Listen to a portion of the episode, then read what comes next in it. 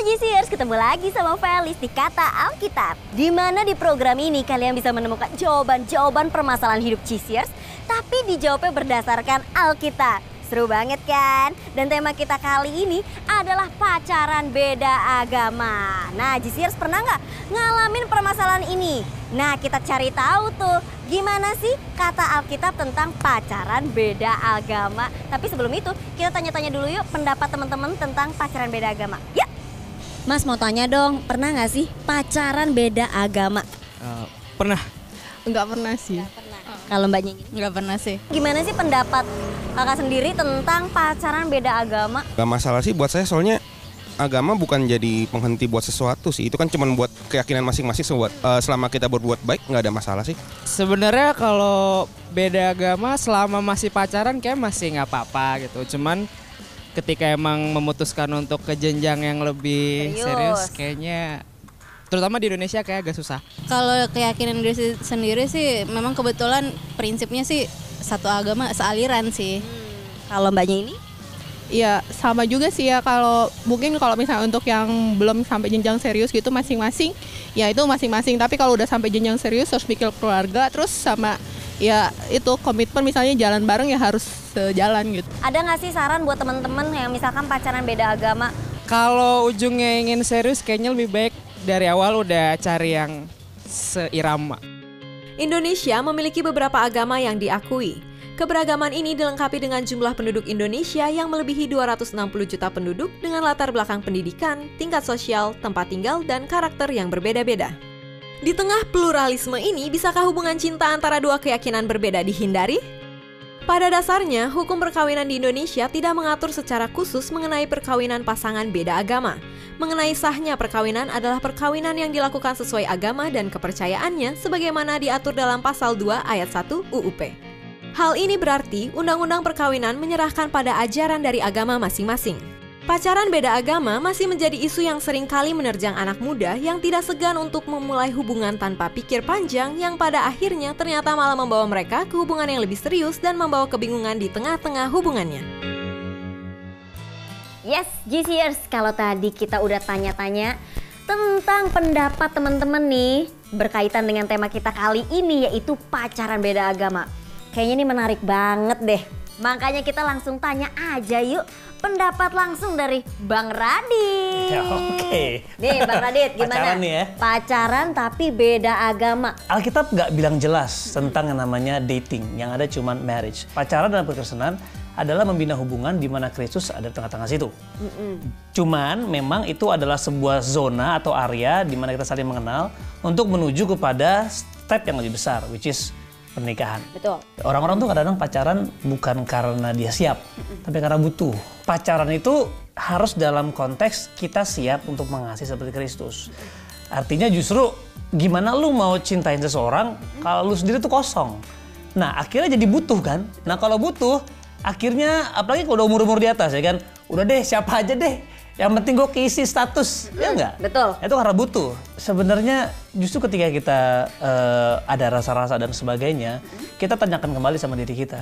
Apakah kita siap untuk membangun hubungan atau kita siap mengambil dari apa pun yang kita dapat dari orang, which is is not love, karena love is all about giving kan. Nah tapi kalau udah tujuannya buat saya dan saya mau mau pacaran beda agama, mau seagama, udah pasti berantakan. Karena tujuannya adalah untuk dia. Nah, Bang Radit, kita ya. mau ngebantu teman-teman yang sedang terjebak dalam yang namanya terlanjur cinta. Ah, nah, kalau udah terlanjur cinta tapi beda agama, gimana yes. tuh?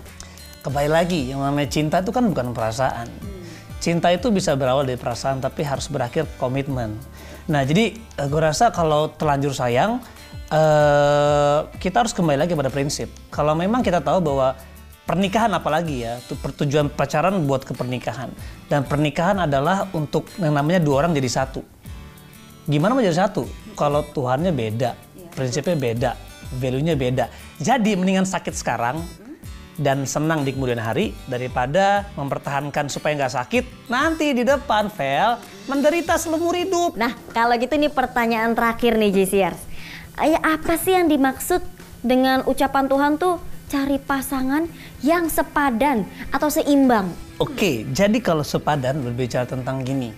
uh, bobot atau weighty itu berbicara tentang uh, sebuah nilai sebenarnya. Nah, sedangkan si suami itu didesain untuk menjadi imam. Nah, seorang istri didesain menjadi penolong. Jadi penolong bukan tolong kaya, nolong si suami untuk jadi imam. Nah, si imam juga kita bilang dia harus menemukan, uh, dia bilang apa, uh, menemukan kekuatan istri untuk menjadi penolong.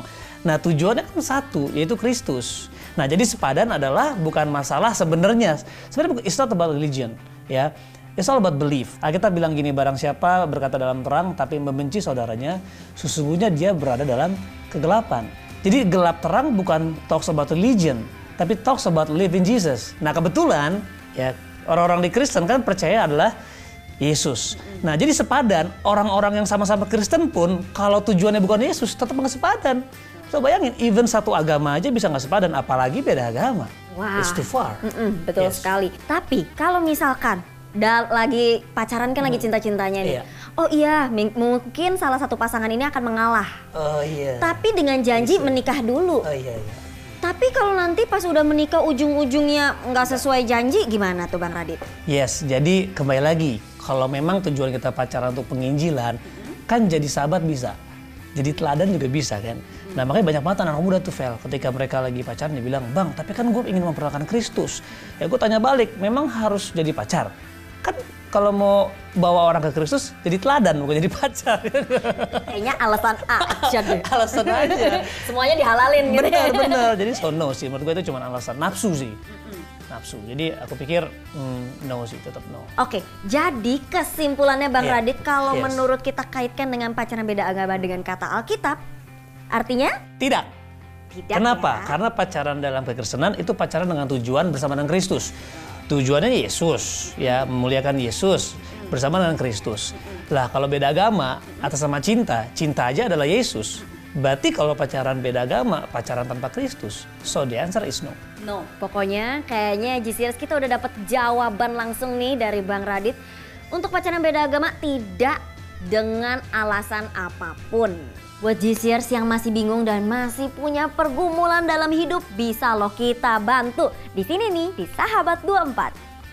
Langsung aja kalau suka video ini, bisa diapain? Di like, di komen, di share, habis itu di subscribe. Thank you Bang Radit buat yes. waktunya.